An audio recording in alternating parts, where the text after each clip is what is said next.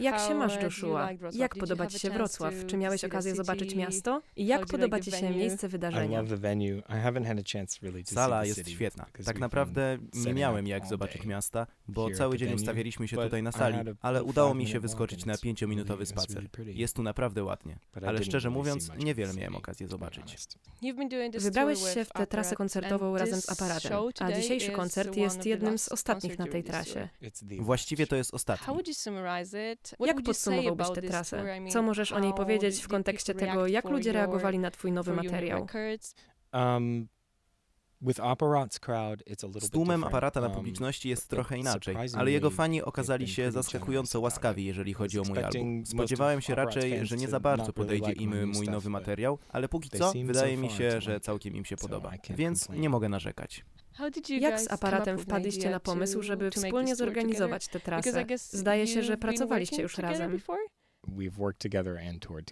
Pracowaliśmy razem i koncertowaliśmy razem. Dużo. W ciągu ostatnich 16 albo 17 lat. Ja też nie towarzyszyłem mu na całej trasie. Zrobiliśmy tylko kilka koncertów razem. Tak wyszło, bo ja jestem w trakcie trasy promującej mój nowy album, a on jest w trakcie trasy promującej swój nowy album. A że niektóre daty i miejsca nam się zgrały, to postanowiliśmy zrobić parę występów razem. Um, Zanim przejdziemy do rozmowy o Twoim najnowszym albumie, chciałabym zapytać o Twoje pozostałe projekty. Wydajesz się być dość zapracowaną osobą. Uh,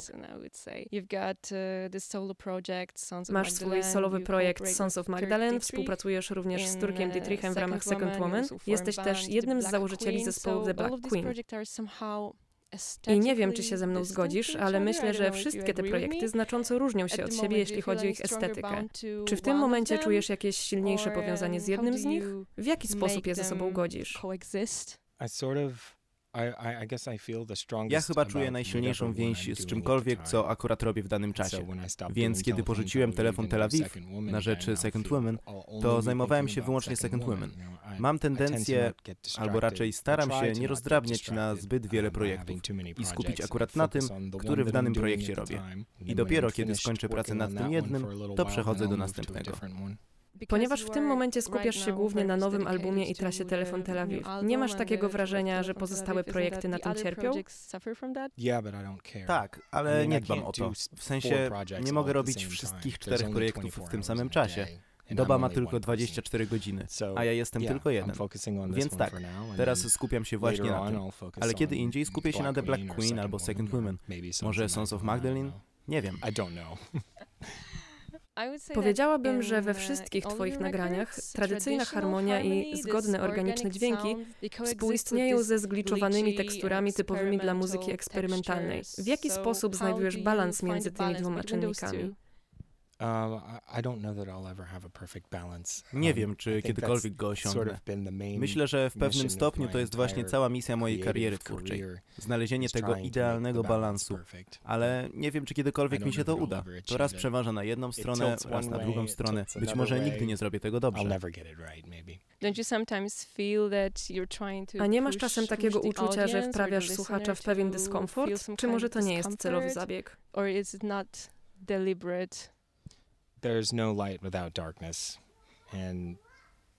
Nie ma światła bez ciemności, a ciepło nie ma sensu bez zimna, więc tak, z mojego osobistego punktu widzenia, w przypadku telefon Tel Awiw, jeśli wszystko jest piękne przez cały czas, wtedy to piękno traci swój efekt. Tak myślę.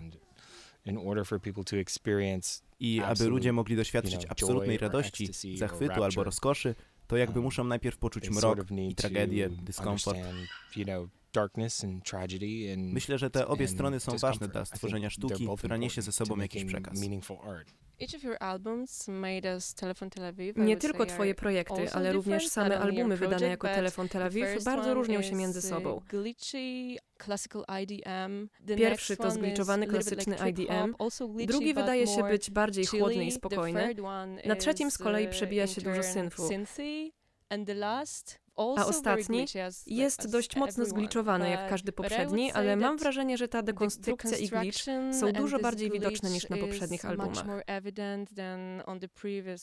Czy to brzmienie było zamierzone? Czy właśnie tak chciałeś to zrobić? Did you did you want it to make it this way? Tak, chciałem poeksperymentować z tym konceptem. Zawsze lubiłem połamane dźwięki w muzyce, więc chciałem poeksperymentować z konceptem łamania dźwięków, ale w inny sposób niż miało to miejsce na poprzednich nagraniach. A jak długo pracowałeś nad tym albumem? Sporadycznie przez około 2,5 roku, ale to głównie programowanie zajęło tyle czasu. Właściwe tworzenie albumu prawie całego to był początek tego roku. Powstał w ciągu około dwóch miesięcy. Pytam o to, bo jest coś, o co właściwie nie mogłabym nie zapytać, mając możliwość rozmowy z tobą. Poprzedni album Telefon Tel Aviv, Immolate Yourself, został wydany 10 lat temu i było to niemalże w tym samym dniu, w którym odszedł twój przyjaciel Charlie Cooper. Od tego momentu minęło 10 lat, więc domyślam się, że ta decyzja, by nagrać i wydać album ponownie jako Telefon Tel Aviv, musiała w tobie dość długo dojrzewać. Zatem, co skłoniło cię, żeby zreaktywować ten projekt po tylu latach? Po prostu nie chciałem porzucać dzieła swojego życia. Wydawało mi się to trochę nie fair, że miałbym stracić swój projekt dlatego, że straciłem członka zespołu. Więc stwierdziłem, że zanim się poddam, powinienem przynajmniej spróbować, czy dam radę tworzyć go w pojedynkę. I jeśli mi się nie uda, to w porządku, pogodzę się z tym. Ale jeśli mi się uda, wciąż będę miał swój projekt. I byłeś zadowolony z efektu, jaki uzyskałeś? Nigdy. Um, nie wiem, to podchwytliwe pytanie. Nie określiłbym tego jako zadowolony. Uwolniony to według mnie lepsze słowo. W jednym z wywiadów powiedziałeś, że ty i Charlie pracowaliście w bardzo odmienny sposób, że twój proces twórczy był bardzo uporządkowany i precyzyjny, a Charlie'ego chaotyczny. I mimo, że to są przeciwstawne cechy, to wydaje mi się, że w procesie twórczym jest to pożądane zjawisko, bo umożliwia odnalezienie balansu. Przykładowo, jedna osoba wpada na szalony pomysł, a druga obmyśla, jak go zrealizować. Więc jak odnalazłeś się w tej sytuacji, w której, jeśli mogę tak powiedzieć, straciłeś ten balans? Jak to było zacząć pracować na nowo bez tej części duetu? Musiałem używać dużo wyobraźni. Musiałem wyobrażać sobie, co według mnie Charlie by zrobił w określonej sytuacji, czy w stosunku do określonego dzieła muzycznego, a następnie próbować wprowadzić te pomysły w życie. To było najtrudniejsze w nagraniu tego albumu. Próba wymyślenia, co Charlie by zrobił, jeśli chciałby uczynić dane nagranie fajniejszym, ciekawszym, zabawnym, strasznym, czy jeszcze innym. To było najtrudniejsze żeby poradzić sobie z tym w sensie robienia muzyki, nie mówiąc o aspekcie osobistym. Jeśli chodzi o aspekt osobisty, to miałem dużo czasu, żeby sobie z tym poradzić. Natomiast jeśli chodzi o stronę muzyczną, to nigdy wcześniej nie musiałem tego robić. Więc tak, to było największe wyzwanie, żeby zająć przestrzeń Charlie'ego i uczynić album kompletnym. Moim zdaniem, słuchając nowego albumu, dość wyraźnie można poczuć albo raczej usłyszeć ducha starego Telefon Tel Aviv. Chociaż nie wiem, czy mogę tak powiedzieć, że mamy w ogóle do czynienia ze starym i nowym projektem, bo tak naprawdę to wciąż ty i to słychać. To duża ulga. To znaczy, taki był zamysł, żeby ten nowy album zawierał elementy wszystkich poprzednich nagrań. Świadomie starałem się, żeby tak było. Jako słuchaczka mogę powiedzieć, że to się udało. Dziękuję, to daje mi nadzieję. Uh, Pozwól, że zapytam o Twoją współpracę z Ghostly International, bo Twój album został wydany właśnie w tej wytwórni. Uh, Jak ta współpraca się zaczęła? Czy wytwórnia mocno wsparła Cię w promowaniu albumu i czy w ogóle tego potrzebowałeś? Pytam, bo wydaje mi się, że wielu Twoich uh, słuchaczy, którzy znali Twoją wcześniejszą twórczość, na informacje o nowym albumie zareagowali ogromnym podekscytowaniem. Natomiast jestem też pewna, że istnieje spora grupa ludzi, która usłyszała o Telefon Tel Aviv dzięki śledzeniu Ghostly International. Czy zauważyłeś, żeby po wydaniu tego albumu przybyło Ci wielu słuchaczy? Być może zyskałem słuchaczy, ale jestem za to pewien, że wielu też straciłem. Czemu tak uważasz?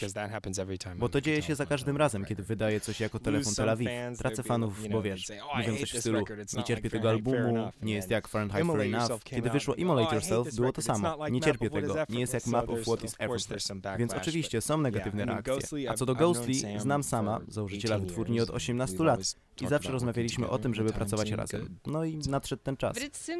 Ale to, o czym mówiłeś, wydaje się trochę ironiczne, bo z jednej strony oczekuje się od artysty, że będzie się ciągle rozwijał, a rozwój w znaczeniu muzycznym jest jednoznaczny z tworzeniem czegoś nowego. Tymczasem jednocześnie oczekuje się, że będziesz tworzył rzeczy podobne do tych, które już tworzyłeś wcześniej. To jest strasznie głupie. W sensie, że nigdy nie nagram ponownie takiego albumu jak Fahrenheit Fair Enough. To nigdy się nie stanie, bo już go nagrałem. Przerabianie tych pomysłów nie miałoby żadnego sensu. Jest mnóstwo IDM-owych nerdów, których to denerwuje, ale jeśli chcą tego rodzaju muzyki, to proszę bardzo, już mają. Fahrenheit Fair Enough to najlepsze, co mogliśmy zrobić w tym stylu. Uh, Zacząłeś robić muzykę w późnych latach 90., albo nawet wcześniej, ale wtedy zacząłeś z Telefon Tel Aviv. To szmat czasu w przemyśle muzycznym, wiele się zmieniło. No Przykładowo, dawniej nie było serwisów streamingowych. Obecnie każdy może wrzucić do internetu swoją muzykę. Tworzyłeś dawniej i dziś, więc gdybyś miał porównać te realia, uważasz, że łatwiej jest być muzykiem wtedy czy dziś? Czy może jest po prostu inaczej? I nie da się określić, kiedy było łatwiej czy trudniej? Teraz jest łatwiej robić muzykę, ale trudniej zostać usłyszanym. I nie chodzi tu o samą możliwość bycia usłyszanym, bo to takie proste zamieścić swój materiał na Spotify, SoundCloudzie czy gdziekolwiek indziej. Ale teraz jest tyle muzyki i cała jest dostępna w tych serwisach, więc ludziom jest trudno cię znaleźć. I czy czujesz, że to dotyka również ciebie? Pewnie. Mimo tego, że byłeś dość znany już wcześniej, po wydaniu nowego albumu wciąż musisz walczyć o swoje miejsce na rynku? Tak, absolutnie. Trudno jest przebić się przez cały ten hałas, a ja nie jestem typem krzykacza. Dziękuję Ci bardzo za rozmowę i za szczere słowa. Dziękuję.